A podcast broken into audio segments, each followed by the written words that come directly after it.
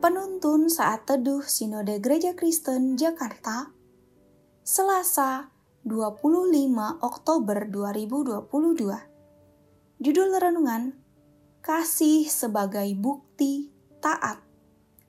Nats Alkitab terambil di dalam kitab 1 Korintus pasal 13 ayat 4 sampai 5 dan 1 Korintus pasal 16 ayat 14.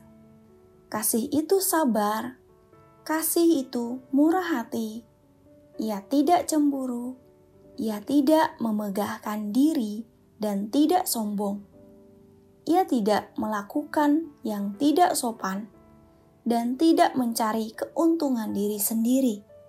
Ia tidak pemarah dan tidak menyimpan kesalahan orang lain.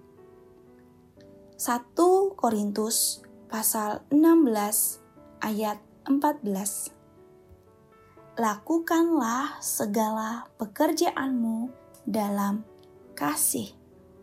Melakukan segala pekerjaan dalam kasih merupakan sebuah kalimat perintah. Kasih harus timbul dari dalam hati. Kasih sejati hanya bisa timbul ketika kita menyadari Yesus yang sudah terlebih dahulu mengasihi kita.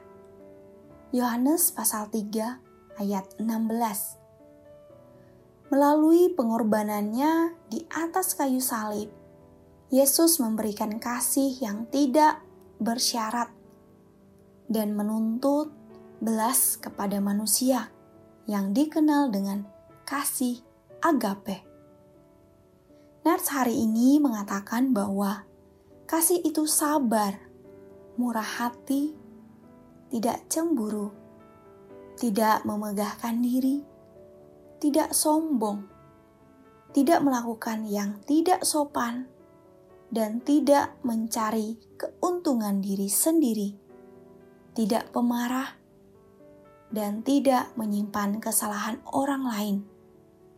Pasal 16 ayat 13 mengingatkan kita untuk melakukan segala sesuatu berdasarkan kasih.